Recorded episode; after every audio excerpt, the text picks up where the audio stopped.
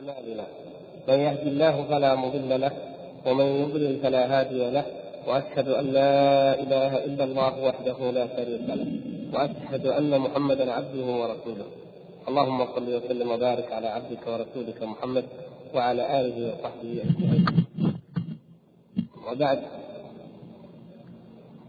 فما زلنا في الفقرة المتعلقة بالمفاضلة بين الملائكة وصالح بني آدم.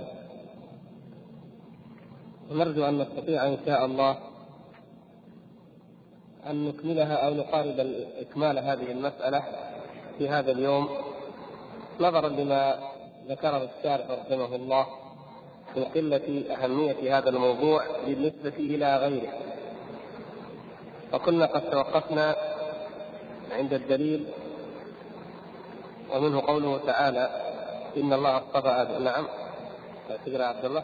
على مهلك لعلي صلى الصوت ومنه قوله تعالى إن الله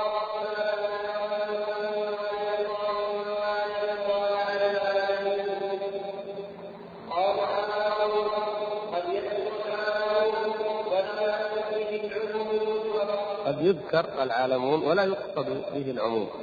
المجهول أيوه. قدرته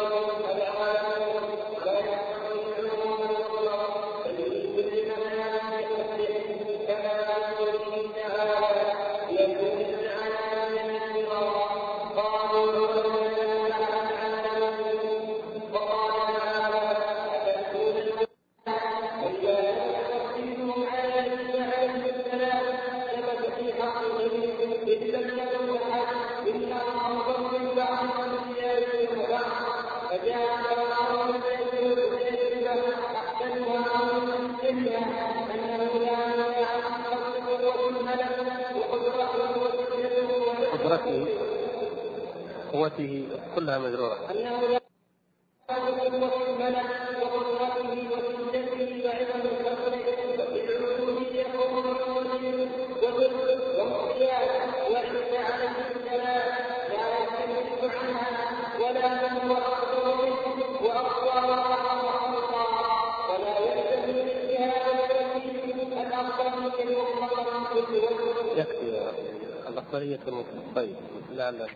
الله.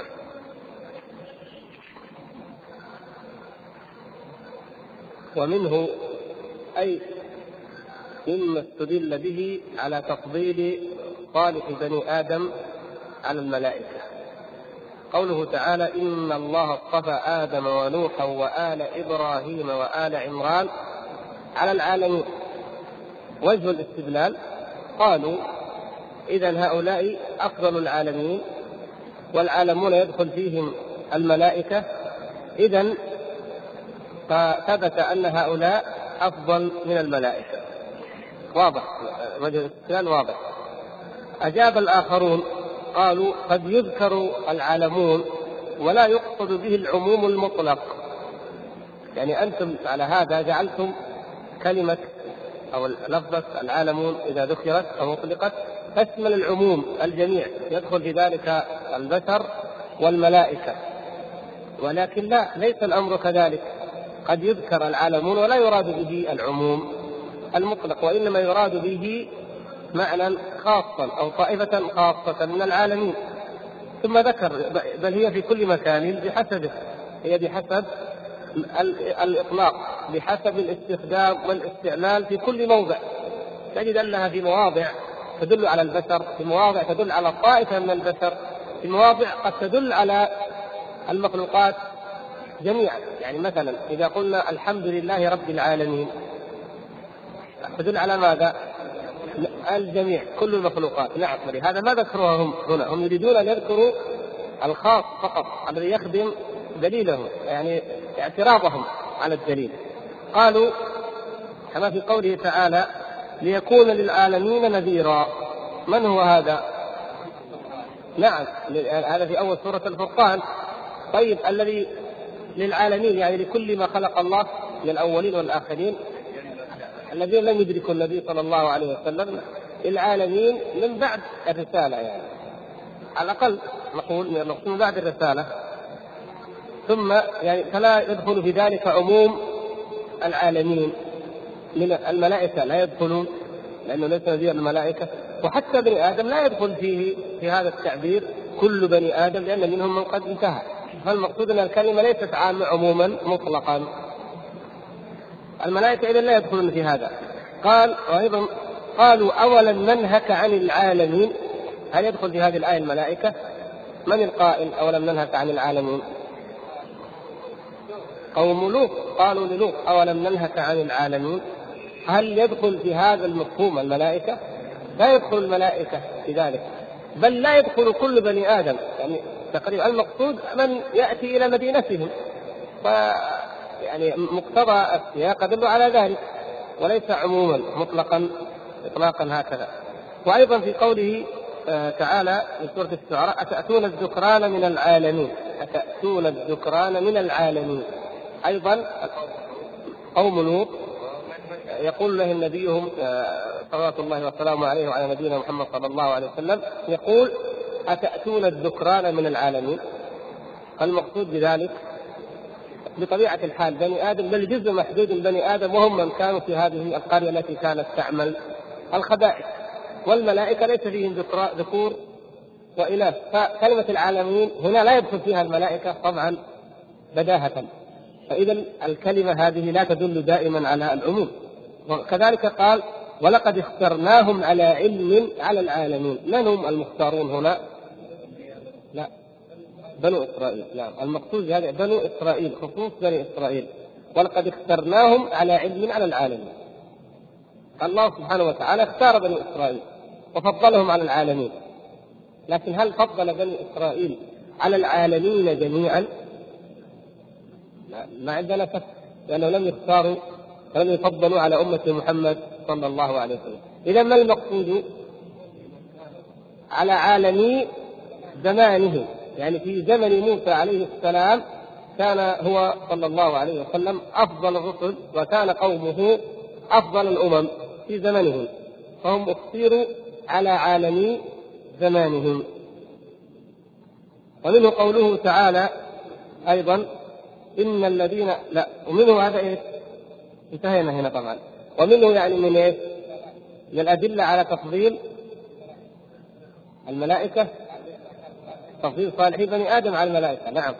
قوله تعالى استدل المفضلون لبني آدم بقوله تعالى إن الذين آمنوا وعملوا الصالحات أولئك هم خير البرية. فقالوا إيش؟ البرية مشتقة من البر بمعنى الخلق.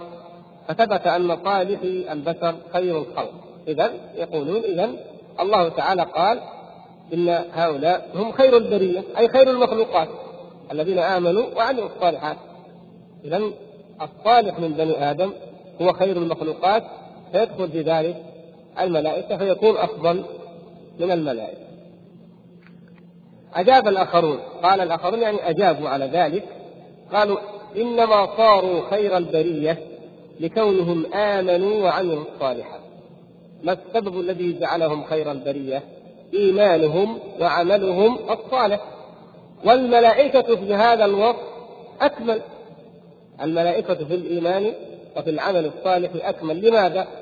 فإنهم لا يسأمون ولا يفترون. لا يسأمون. لا يدخلهم الملل ولا ولا الفتور. وكذلك لا يأتي أو يكون منهم معصية. تخرم ذلك. يعني هؤلاء المؤمنون الغاية أنهم أو قلة أو قلة من من الناس ثم إيمانهم يزيد وينقص ويعتريهم الملل والسآمة والفتور. أما الملائكة فهم بريئون من ذلك. إذا فلا يلزم أن يكونوا خيرا من الملائكة. قالوا وهذا أيضا إنما هو على قراءة من قرأ البريئة بالهمز أو من قرأ البرية على الإبدال على إبدال الهمز ياء. يعني يكون المقصود من ماذا؟ المعنى هنا يكون من إيه؟ من البرء يعني أصل الكلمة مهموز البرء سواء قلنا البريئة أو البرية بمعنى أو مخففة من البريئة. ها؟ البرية مخففة من البريئة. المقصود من البرء برأ يبرأ ما معناها؟ خلق. ولذلك من أسمائه سبحانه وتعالى البارئ. هو الله الخالق البارئ المصور فبرأ النسمة برأ الخلق أي معناه خلقهم وأوجدهم. فمعنى حتى يكون هم خير المخلوقات. حتى يكون أولئك هم خير الخلق. هم خير المخلوقات. هم خير المخلوقين. لكن إذا كانت من برأ من البرأ من البرأ هم خير البرية قال إذا إذا قيل أنها نسبة إلى البرأ برأ نسبة إليها برية يعني معنى برية. فالبرأ قال هو التراب كما قاله الفراء فيما نقله عنه الجوهري. يعني الإنسان في مقام الرد يأتي أحيانا يحاول يأتي بأي وجه. قالوا لا إن البرأ هو التراب. والبرية نسبة إلى البرأ إذا المؤمنون يعني معنى الآية على على هذا المعنى في البراء يقول الذين آمنوا وعملوا الصالحات هم خير من نسب إلى التراب أي خير من خلق من التراب إذا الملائكة داخل ما يدخلون لأنه من يخلقون من التراب يقول يكون المعنى أنهم خير من خلق من التراب فلا عموم فيها أي فلا يدخل الملائكة فيها. إذ الغير ما خلق من التراب عدلوا في عندكم من؟ إذ الغير يعني الملائكة. إذ الغير لا. لا ما خلق. يعني صح إذا الغير من خلق يعني الذي خلق. لكن أنتم وضحوها. معروف هذا. إذ الغير ما خلوها نافية بدل ما تكون موصولة. لا نافية. إذ الغير ما خلق يعني معلوم أنه ما خلق. لكن بعدين ترتبط المعنى. إذا ما عدلتوها خلوها كذا. إذا الغير إذ الغير إذا نقصد بالغير هنا الملائكة. وغير كلمة الآية أيضا الغير فيها خطأ. يعني المفروض إذ غيرهم يعني المقصود محل النداء إذ الملائكة ما خلقوا من التراب وإنما خلقوا من ماذا؟ من نور. طيب. آه قال الأولون إنما تكلمنا في تفضيل صالح البشر إذا كملوا. يجيب على أي شيء؟ يجيب على على الاعتراض. الاعتراض الذي يقول إن الملائكة أفضل. لا لا دليل لكم في هذه الآية. لأن ما استدللتم به من كونهم أفضل هو بسبب عملهم إيمانهم وعملهم الصالح. والملائكة أفضل لأنهم لا يسأمون ولا يكثرون فردوا على ذلك قالوا إنما تكلمنا في بداية إذا كملوا يعني ليس الآن ليس في الدنيا في حال الفتور والسأم ولكن باعتبار المآل والنهاية. ووصلوا إلى غايتهم وأقصى نهايتهم. وذلك متى يكون؟ وذلك إنما يكون إذا دخلوا الجنة ونالوا الزلفى وسكنوا الدرجات العلى. وحباهم الرحمن بمزيد قربه. وتجلى لهم ليستمتعوا بالنظر إلى وجهه الكريم يعني أكمل ما يمكن أن يصل إليه البشر في تلك الحالة بعد أن ينعم الله سبحانه وتعالى عليهم بالنعيم الذي هو أكبر نعيم يتنعمون به وهو أن يتجلى لهم فيشاهدوا وينظروا إلى وجه الكريم سبحانه وتعالى.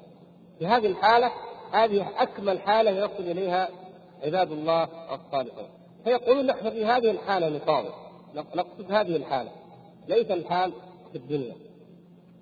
في الحقيقة انه أن المقصود ليس بإطلاق هذه الحالة. منهم منهم من يفضلهم في حالة الدنيا. يعني يفضل الإنسان المستقيم الآن في الدنيا على الملائكة. ليسوا كذلك كلهم. وإنما قلنا هذه هذا التخريج يسلم به وجه الجمع. أو يسلم يسلم به الراجح الأخير الوجه الذي تجتمع به الأدلة وهو أننا إن نظرنا إلى الكمال باعتبار الحياة الدنيا الآن فلا شك أن البشر يعتريهم من النقص ومن الضعف وإلى غير ذلك، وأما إن نظرنا باعتبار المآل فما جاء من تفضيل لصالح البشر هو باعتبار المآل والخاتمة والنهاية، إذ هنالك يصدق أن يقال إن الملائكة هم أو منهم على الأقل منهم خدام أو خدم لبني آدم. يعني في تلك الحالة بعد أن يدخلوا الجنة ويفوزوا بالدرجات العلى ويتمتع بالنظر إلى وجه الله الكريم جعل الله وإياكم منه إذا هناك فقط تكون فهذا يعني هذا الكلام يجيب به أو هو حجة فقط لمن؟ لمن يرى هذا الجمع. ولمن قال وتكلم من أصل كلامه باعتبار المآل والنهاية. أما الذي يرى الآن أن الأفضلية الآن في الدنيا فلا وجه له أن يقول أن يجيب عن الاعتراض بهذا القول. وقال الآخرون طبعا من حقهم أن يقولوا لو, لو أن بناء على هذا الاعتراض من حقهم أن يدفعوا الاعتراض باعتراض وهو الشأن يعني موضع النزاع والمسألة هي في أنهم هل صاروا إلى حالة يفوقون فيها الملائكة أو يساوونهم فيها؟ يقولون سلمنا لكم أنهم بعد أن يكونوا على تلك الحالة والدرجة من القرب من الله سبحانه وتعالى يكونون في منزلة عظمى. لكن هذه المنزلة التي سيصلون إليها هنا موضع النزاع هل هذه المنزلة هل تصل بهم إلى حالة يفوقون فيها الملائكة؟ أم أن غاية ما في الأمر أننا نقول هم يعني نحن في الدنيا في الدنيا الملائكة أفضل وأكمل. يوم القيامة إذا دخلوا الجنة ورأوا ربهم عز وجل يكونون سواء هكذا يقولون هم. يقول فإن كان قد ثبت لهم أنهم يصيرون إلى حال يفوقون فيها الملائكة سلمنا. نعم. وإلا فلا. إذا كأنهم يقولون تحتاجون إلى دليل تحتاجون إلى دليل خاص يثبت لكم أنهم في هذه الحالة يصبحون أكمل من الملائكة.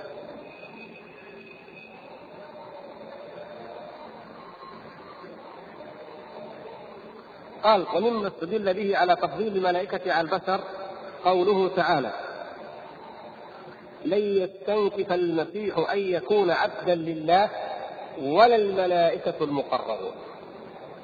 قالوا قد ثبت من طريق اللغة يعني من معلوم في اللغة أن مثل هذا الكلام يدل على أن المعطوف أفضل من المعطوف عليه.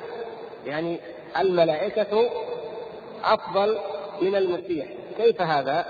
قالوا لأنه لا يجوز يعني لغة أن يقال لن يستنكف الوزير أن يكون خادما للملك ولا الشرطي أو الحارس لاحظتم؟ وإنما الصحيح في اللغة أن يقال لن يستنكف يعني ما معنى يستنكف؟ أيوه يستكبر آه، يأبى يتمنع نعم يترفع هذا هو فإذا من حيث اللغة هل يصح أن نقول أو نعم لا يصح أن نقول يستنكف الوزير لكن عكسنا وقلنا وإنما يقال لن يستنكف الشرطي أن يكون خادما للملك ولا الوزير كلام صحيح يعني ولا من هو أفضل منه؟ يستنكف فضلا عن أن يستنكف هو. نعم هذا واضح. قالوا فمثل هذا التركيب يترقى من الأدنى إلى الأعلى. دائما في مثل هذا الترتيب في اللغة العربية يترقى من الأدنى إلى الأعلى كما إذا قلت فلان مثلا ما يستطيع أو يعني لو كان له منزلة عند ال... عند المسؤول. فإذا انظر كيف الترقي من الأسفل الأعلى يكون لو قلت فلان ما يقدر يدخل على الوزير ولا على المدير العام. هذا ترقي من إيش؟ معروف يعني يعني أنت تنفي الآن تقول ما يستطيع يدخل. إذا كان ما يقدر فإذا قلت ولا المدير العام يفهم من أنه إيش؟ أقل. لانك لأنك الآن تنفي أنه ما عنده شيء ما عنده أي شيء. وإنسان يشك إنه يمكن يقدر يدخل على الوزير. يقول لك ولا المدير العام. وما هو أدنى منه. فبالعكس أيوه يعني ما يقدر. نعم. فإذا عكست ذلك وأردت أن تقول إنه إيش؟ مثلا آه كما كما في هذا المثال يعني واضح المثال إنه لا يمكن للمدير للواء ولا المدير إنه يستنكر. انه يتكبر إنه يرفض ولا حتى مثلا تقول ولا حتى المدير العام لا يقدر يرفض هذا الأمر إذا جاء من الوزير أو من رئيس الشركة مثلا مالك الشركة. فأنت في هذه الحالة يعني لو لو عكست عندما تريد الترقي من الأدنى إلى الأعلى ومن الاعلى الأدنى لو عكست لأتيت بخلاف المقصود تماما. يعني يطلق على هذا التركيب لغة تركيب غير فصيح. غير فصيح مخل لا يؤدي المعنى المطلوب والغرض المطلوب. فلذلك يقول فإذا ثبت يقولون يعني نحن نسلم الوجه في اللغة الكلام في اللغة صحيح. فإذا ثبت تفضيلهم على عيسى عليه السلام ثبت في حق غيره. إذ لم يقل أحد إنهم أفضل من بعض الأنبياء دون بعض. لا القاضي القاضي أبو يعلى الحنبلي رحمه الله من ذكر خاطب هذه القضية ونقل عنه شيخ الإسلام ذلك صفحة 380 على ما أفتكر 380 من الجزء الرابع. يقول لا هذا العطف عطف ساذج لا يقتضي يعني العطف عادي. لا يقتضي تفضيل هذا على هذا. لكن في الحقيقة أن هذا الوجه لا يظهر. بل أن هذا أسلوب بليغ والعطف هنا بالفعل فيه ترقي من الأدنى إلى الأعلى. قالوا إذا فإذا ثبت تفضيلهم على عيسى المفضلون للملائكة قالوا ثبت تفضيلهم على عيسى ولا الملائكة المقربون لن يستنكف المسيح أن يكون عبد الله. ولا الملائكة المقربون أفضل من عيسى. فإذا هم أفضل من جميع الأنبياء ومن جميع الصالحين. إذ لم يقل أحد أنهم أفضل من بعض الأنبياء دون بعض. يعني لما ذكرنا القسمة الرباعية تقريبا أو وجه التقسيم في أول كلام شيخ الإسلام قلنا لم لم يقل أحد بهذا. فإذا ثبت تفضيلهم على المسيح فيثبت إذا تفضيلهم على جميع الأنبياء إذا فهم أفضل من جميع بني آدم. هذا وجه كلامه. أجاب الآخرون بأجوبة أحسنها أو من أحسنها لأن نستبعد كلام القاضي لأن العطف ساذج أنه لا نزاع في فضل قوة الملك وقدرته وشدته وعظم خلقه. يعني يقول ما داعي الاستكبار. ما داعي الاستنكاف عن عبادة الله سبحانه وتعالى. القوة القدرة عظم الخلقة المكانة مثلا العليا إلى صفات كثيرة هذه الصفات كل فلا نزاع أن هذه الصفات في حق من أوفر في حق الملائكة المقربين؟ يعني في الملك المقرب أو في عيسى عليه السلام؟ هذه الصفات في الملك. نعم. فليش؟ لأن قال لأن العبودية وفي العبودية خضوع وذل وانقياد. العبودية هي الذل هي الخضوع هي الانقياد. ووقوع الانقياد والخضوع من الأدنى أقرب وهو من الأعلى يعني من الأعلى قوة وضخامة أبعد فلهذا لن يستنكف المسيح أن يكون عبد الله. ولا من هو أقوى منه. ولا من هو أعظم منه في الخلقة.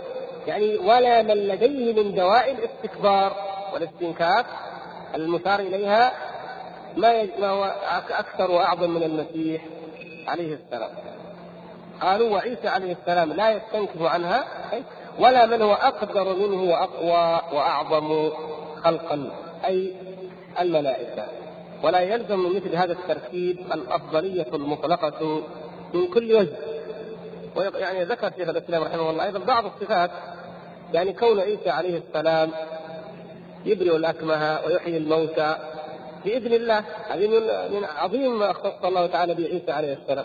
فيقول شيخ الإسلام إنه يعني آثار آثار أو تراب فرس جبريل عليه السلام يحيي يحيي الموتى. طيب. يعني يعني من هذه هذه الصفة. الملائكة يعني عيسى ينبئهم بما يدخرون وما ما ياكلون وما يدخرون في بيوتهم. يقول الملائكة اطلاع الملائكة على ما يدخر وعلى ما يؤكل أسهل أيضا. اطلاعهم يعني لا شك أن الله تعالى أعطاهم القدرة على ذلك أكثر. فاذا يعني الملائكه عيسى عليه السلام خلق من أم بلا أب. الملائكة من غير لا أم ولا أب. آه، إذا يعني أي صفة يقول أي صفة قد يقال إنها اختص الله تعالى بها عيسى عليه السلام أو من هذه الصفات التي اختص الله تعالى بها عيسى عليه السلام وفضله الملائكة فيها أكمل وأعلى درجة. ومن هنا التعبير الصحيح والأصل الصحيح لا لن يستنكف عيسى عليه السلام ولا غيره.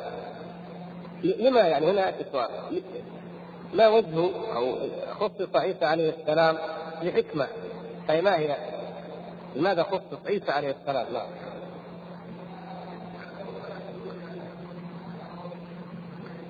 بالذكر لما خصص هنا بالذكر؟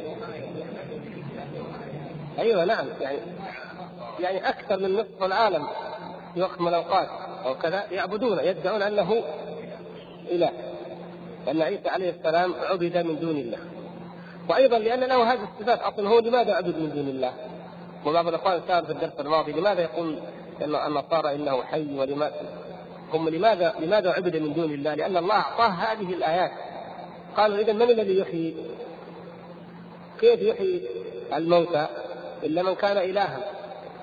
طيب وبعدين؟ وكيف يعلم الغيب؟ يخبر ما في البيوت؟ وكيف وكيف؟ إلا لأنه إله.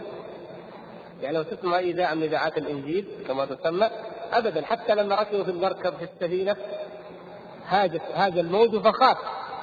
فخاف عيسى عليه السلام. ثم تضرع إلى الله فأنجاه الله. قالوا في حال الخوف كان في الحالة الناسوتيه يعني البشرية. كان الاله ما يخاف. لكن قالوا عياذا بالله فلما جاء جاء الحالة أو الصفة اللاهوتية الاله أنقذ السفينة. وليس الأمر كذلك لكنه دعا الله فأنقذه الله سبحانه وتعالى وهكذا. وهم يرون أنه إله.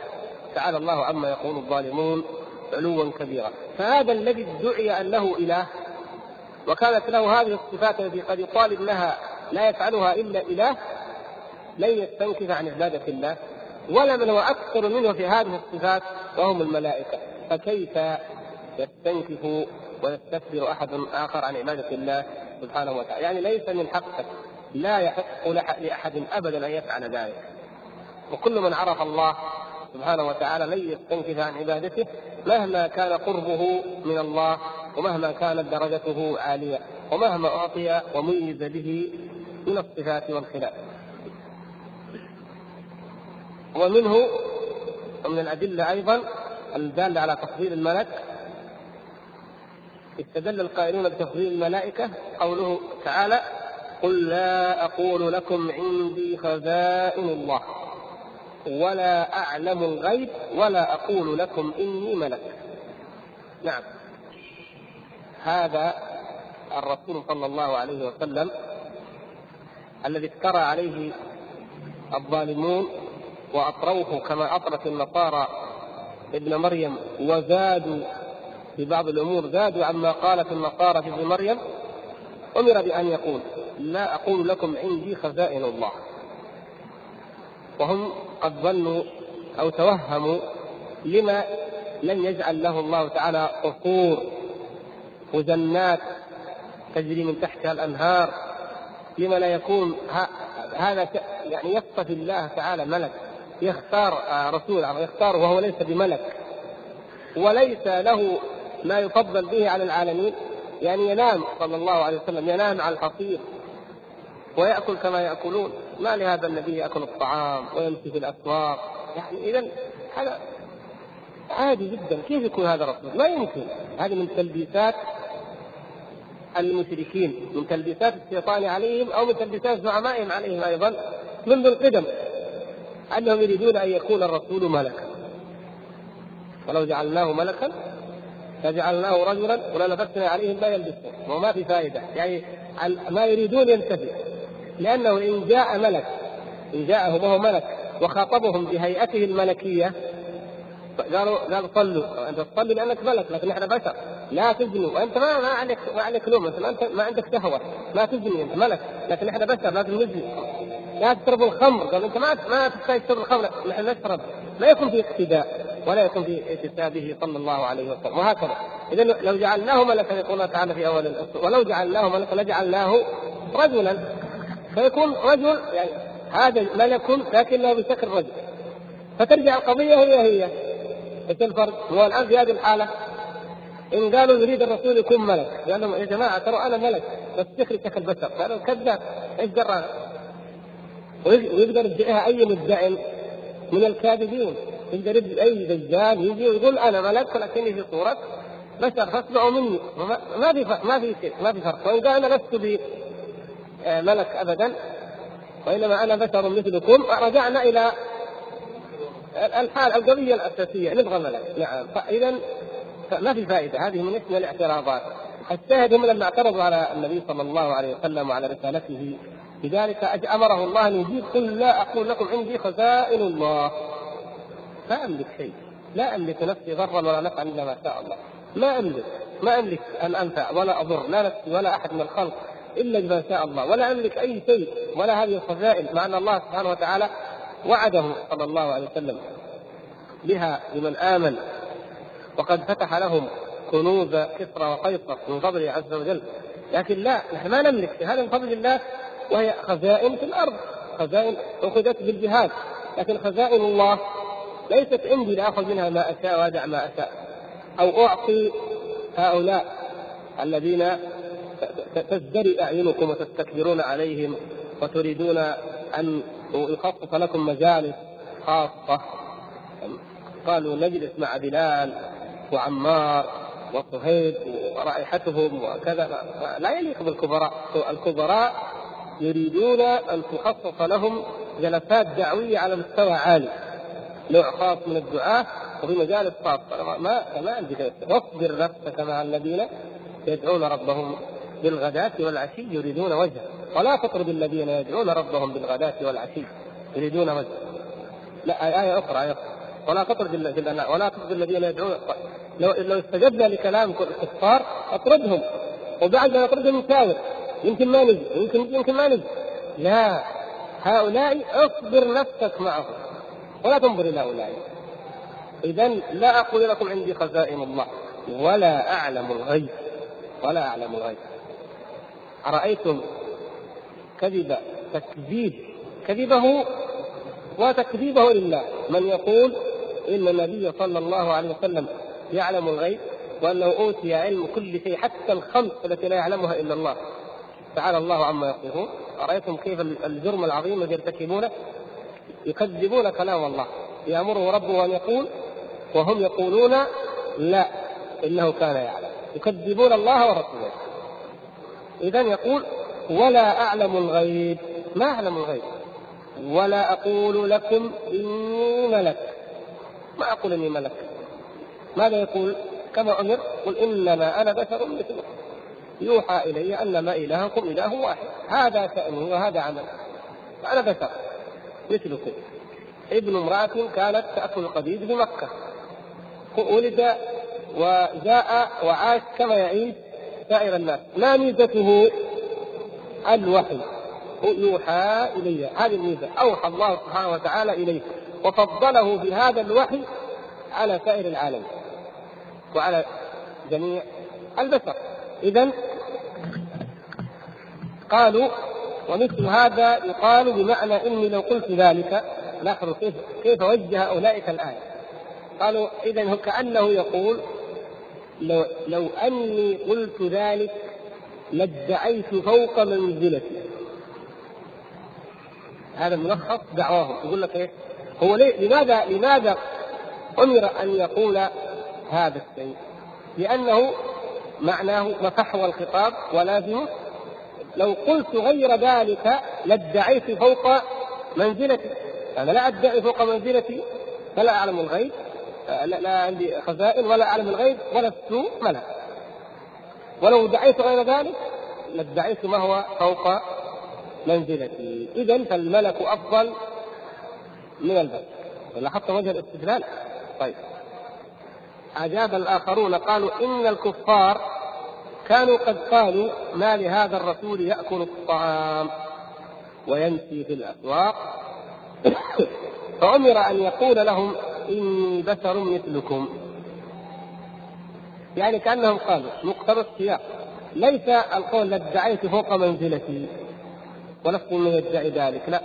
مقتضى السياق نحن نعكس عليه أو, أو الآخرين يعني على الأقل نقول ومثل هذا يقال يعني هذه الآية تقال بمعنى ولو قلت ذلك لادعيت غير حقيقتي.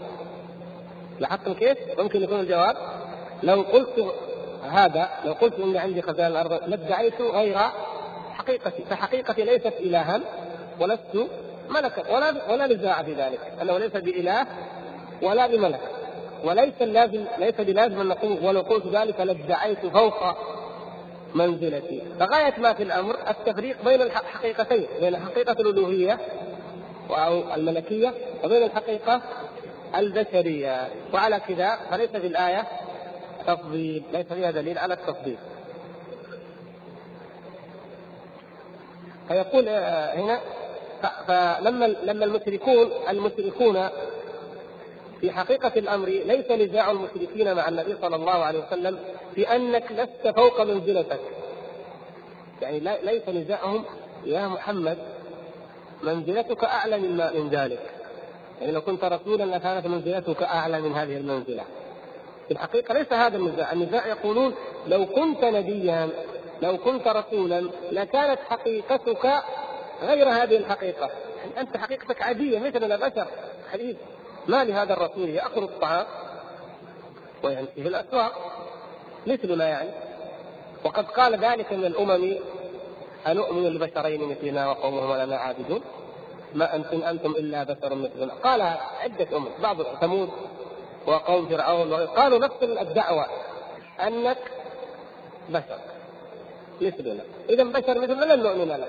لو كانوا من جنس أعلى من حقيقة أعلى لآمنا ولاتبعناهم. أما من جنسنا ومثلنا فلا لا فضل لهم علينا فلن نتبعهم. إذا قال فأمر أن يقول لهم إني بشر مثلكم. أحتاج إلى ما ما يحتاج إليه البشر من الاكتساب يعني المشي في الأسواق الاكتساب والأكل والشرب. لست من الملائكة الذين لم يجعل الله لهم حاجة إلى الطعام والشراب. فلا يلزم حينئذ الأفضلية المطلقة؟ أي فحقيقتي غير حقيقتهم؟ يعني حقيقة النبي صلى الله عليه وسلم الخلقية هي من جنس البشر فهو بشر من جنس البشر. ولا ليس من له حقيقة أخرى. قالوا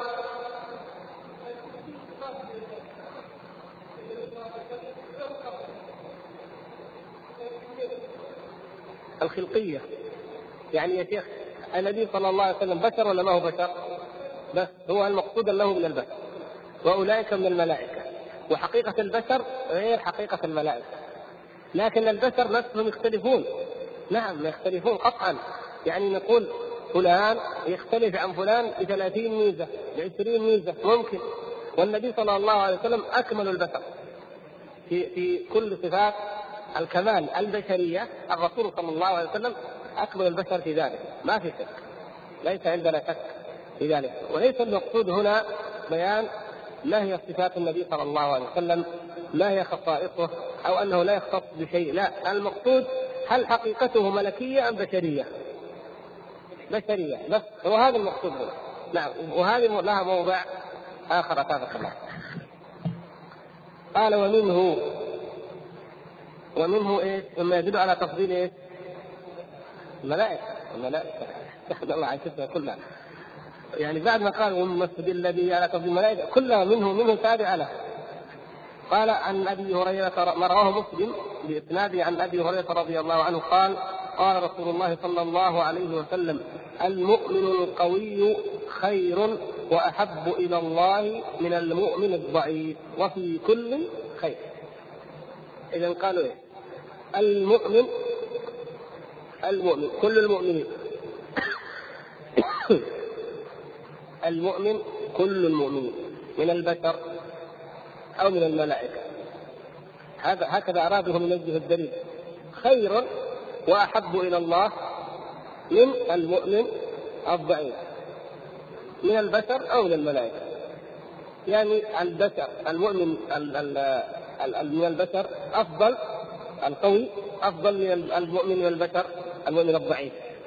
والمؤمن القوي من الملائكة أفضل على كلامهم يعني لأنه حتى يوجه الدليل كل إنسان يريد أن يوجه الدليل له. قالوا فإذا ما دام المعنى كذا فأيهما أفضل؟ الملائكة ام البشر؟ يقول ومعلوم أن قوة البشر لا تداني قوة الملك ومعلوم ولا تقاربها أين قوة البشر من قوة الملك؟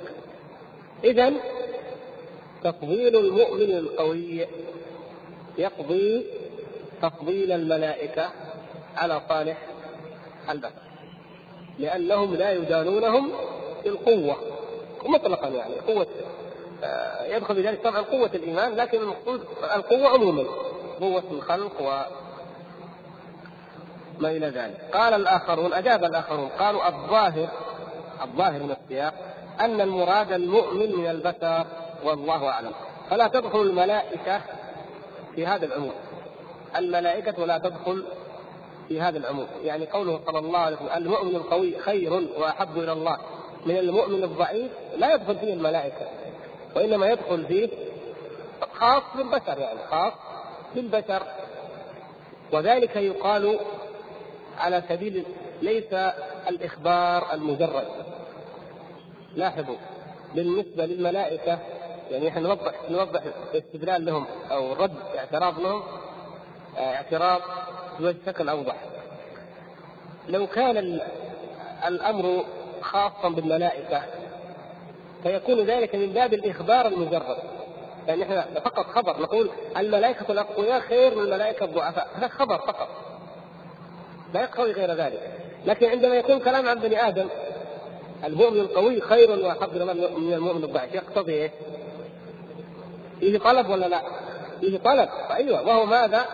كن قويا لأنه لأن نحن بشر مكلفين. عباد نستطيع أن ننمي. كن قويا في إيمانك في علمك. ابذل جهدك فأنت يعني خلقت ليبلوكم أيكم أحسن عملا. اجتهد بل اعملوا. فكل ميسر لما خلق له. أمامك فرصة أمامك إمكانيات تعمل. فتكون قويا لتكون خيرا من أخيك المؤمن الضعيف. هذا فرق. فالحديث في الحقيقة هو هل هو من باب الإخبار أم من باب الطلب؟ ونعم الحديث في الحقيقة هو من باب الطلب يدخل بباب الطلب. والطلب لا يطلب إلا ممن هو مكلف مأمور بالعبادة مبتلى وهذا يختص بمن؟ بالبشر اذا فيرد اي بأن الملائكة لا يدخلون. يعني الجن والإنس. الثقل نعم.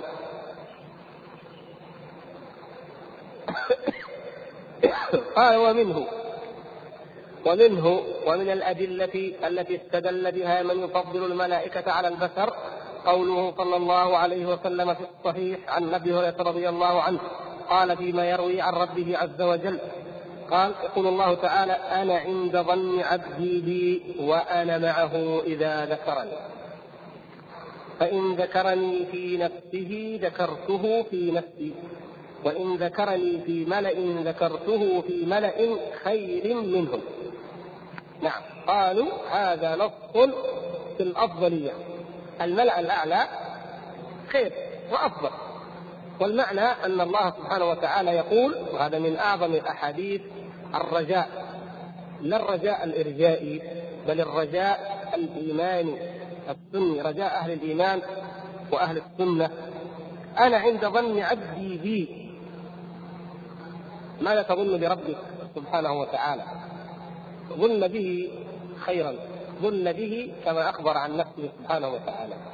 أمره تبارك وتعالى يعني هذا مما يظن بالله وغلط فيه الناس إلا ما رحم ربك أنه دائر شأنه تبارك وتعالى وأمره دائر بين العدل والفضل. لا غير ذلك لا شيء غير ذلك. فإن أعطى واثاب ففضل. إن هدى ووفق للصواب ففضل. وإن خذل وحرم وعاقب فعدل. يا عبادي إني حرمت الظلم على نفسي وجعلته بينكم محرما. فلا تظالموا. حرم الظلم على نفسه. كتب على نفسه الرحمة سبحانه وتعالى. وكتب في كتاب فهو عنده فوق العرش إن رحمتي سبقت أو في رواية غلبت غضبي.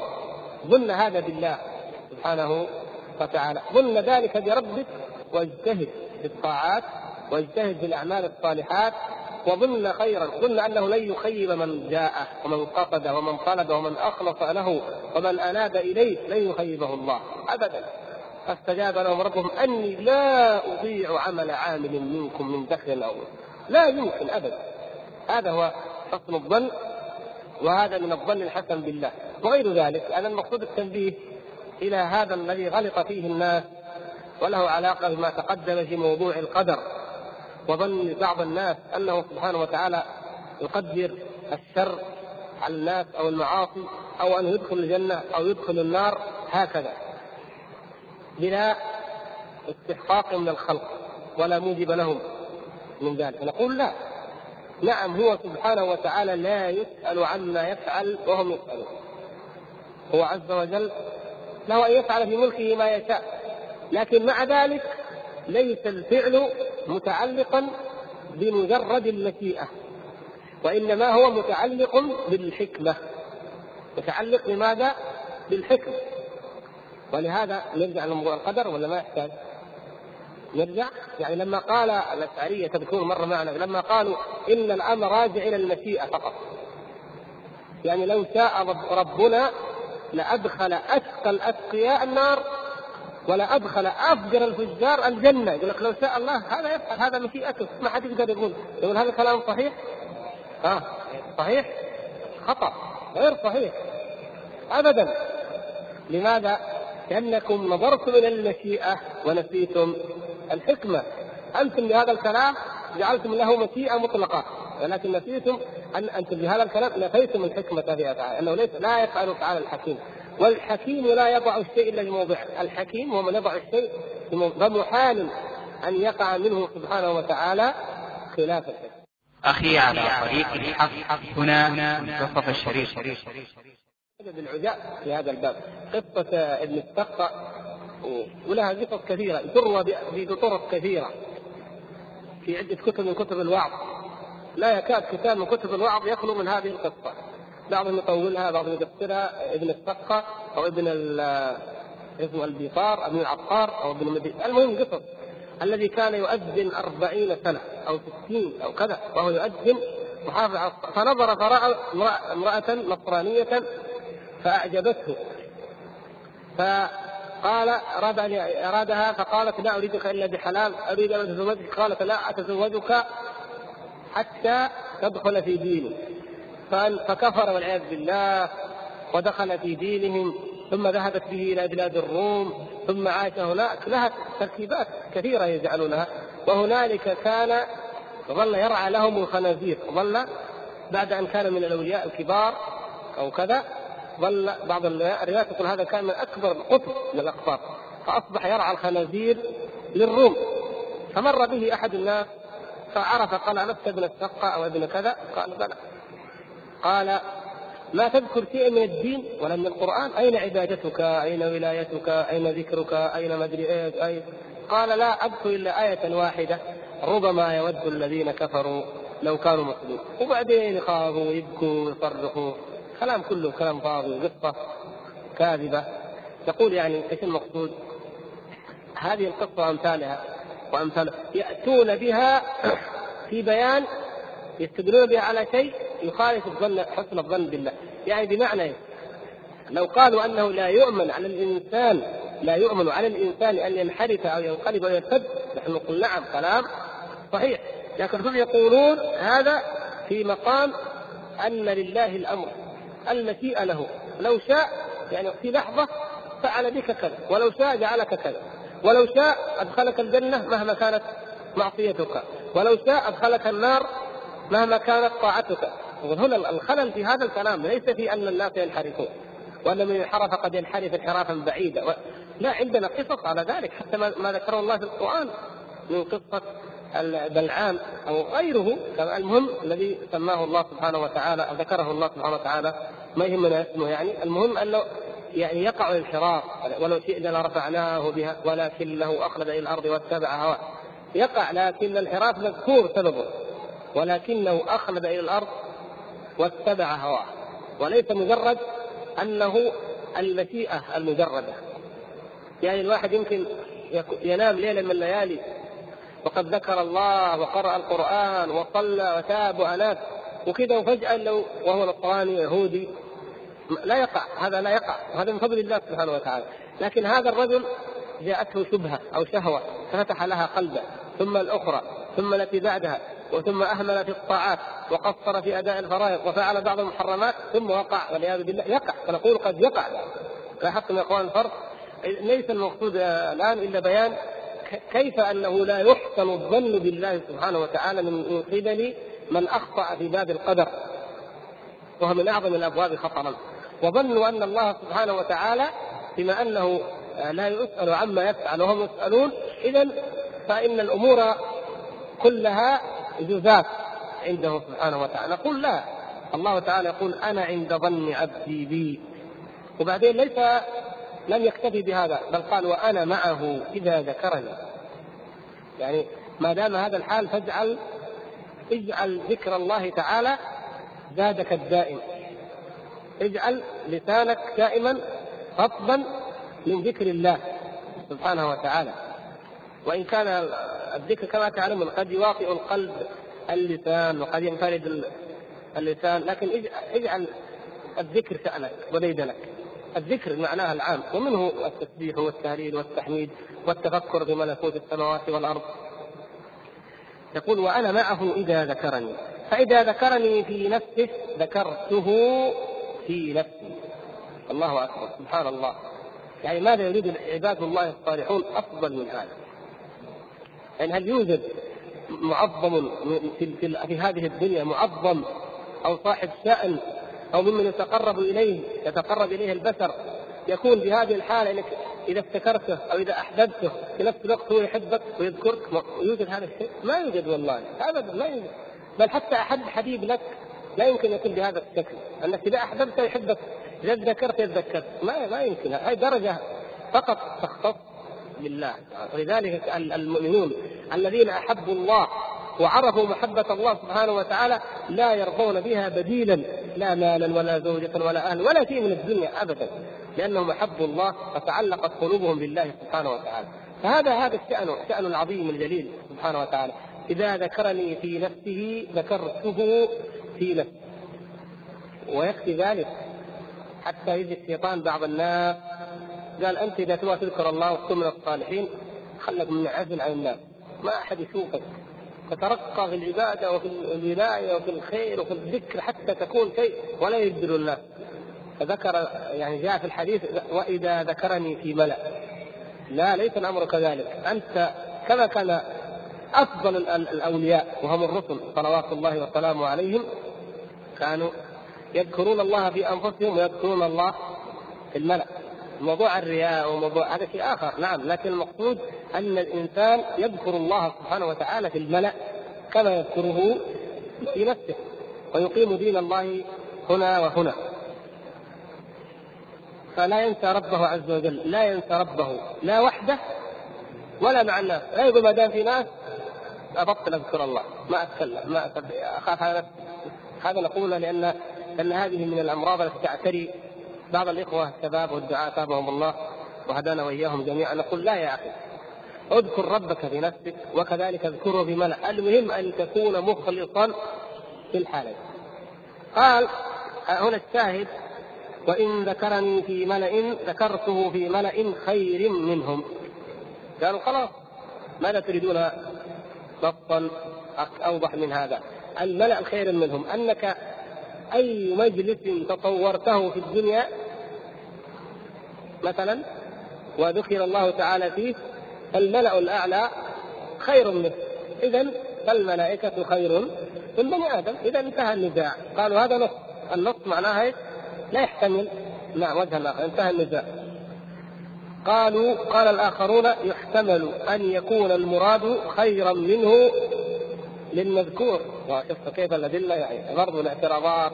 لأن قلنا هذه المسألة فقط يعني لو لم نستفد منها إلا إيش؟ إلا كيف نفهم الأدلة؟ كيف يكون عندنا سعه أفق؟ واحيانا الآخر يقول يا أخي هذا واضح جدا عندي حديث، جيب الحديث؟ الآخر يعترض عليه. أو الآية.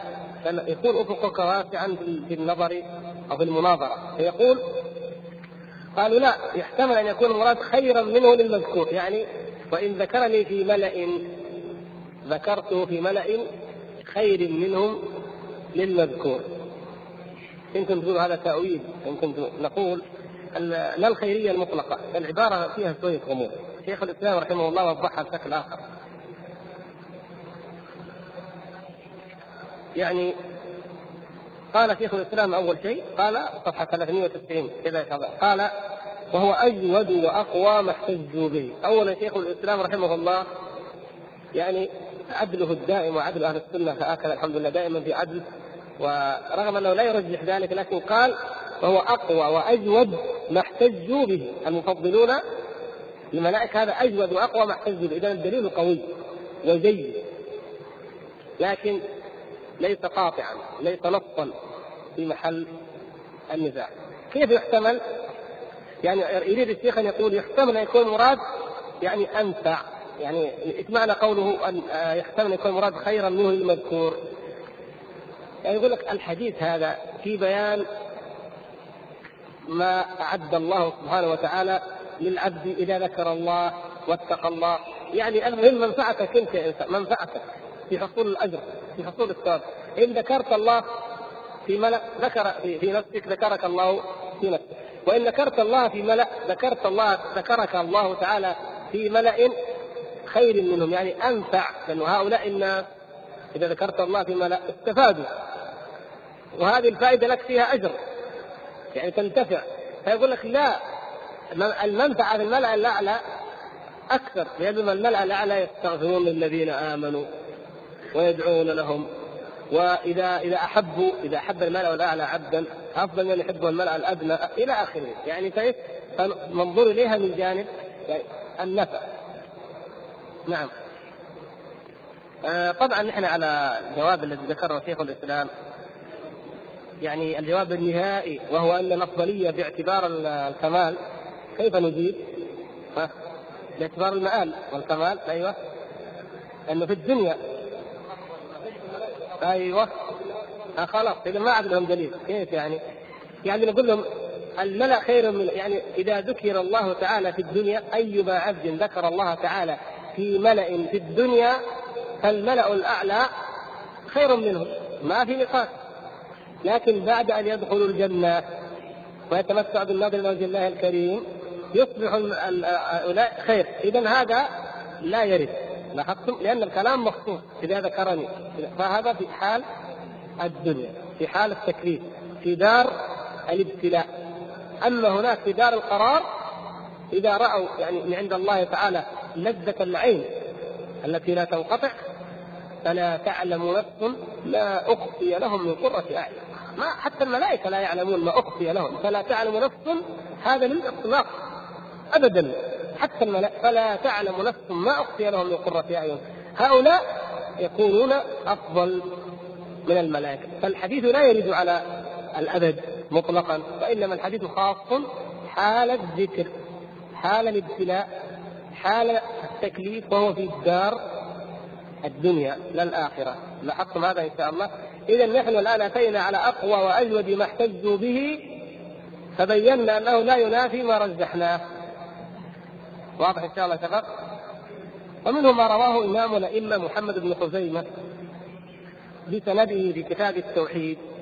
عن أنس رضي الله عنه قال قال رسول الله صلى الله عليه وسلم بين أنا جالس إذ جاء جبرائيل فوخذ بين كتفي فقمت إلى شجرة مثل وكري الطير فقعد في إحداهما وقعدت في الأخرى فسمت وارتفعت حتى سدت الخافقين وأنا أقلب بصري ولو شئت أن أمس السماء مسست فنظرت إلى جبرائيل كأنه حلف لاطئ فعرفت فضل علمه بالله علي وفتح لي بابان من أبواب الجنة ورأيت النور الأعظم وإذا دون الحجاب رفرف الدر والياقوت فأوحى إلي أو, أو فأوحي إلي ما شاء أن يوحى. إلى آخر الحديث. هذا الحديث تقدم في أحاديث الإسراء والمعراج. ذكر تقدم ذكره عند ذكر الإسراء والمعراج. هذا احتج به على أن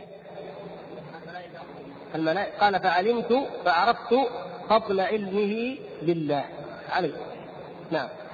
وقال الآخرون في سنده مقال فلا نسلم الاحتجاج به إلا بعد ثبوته.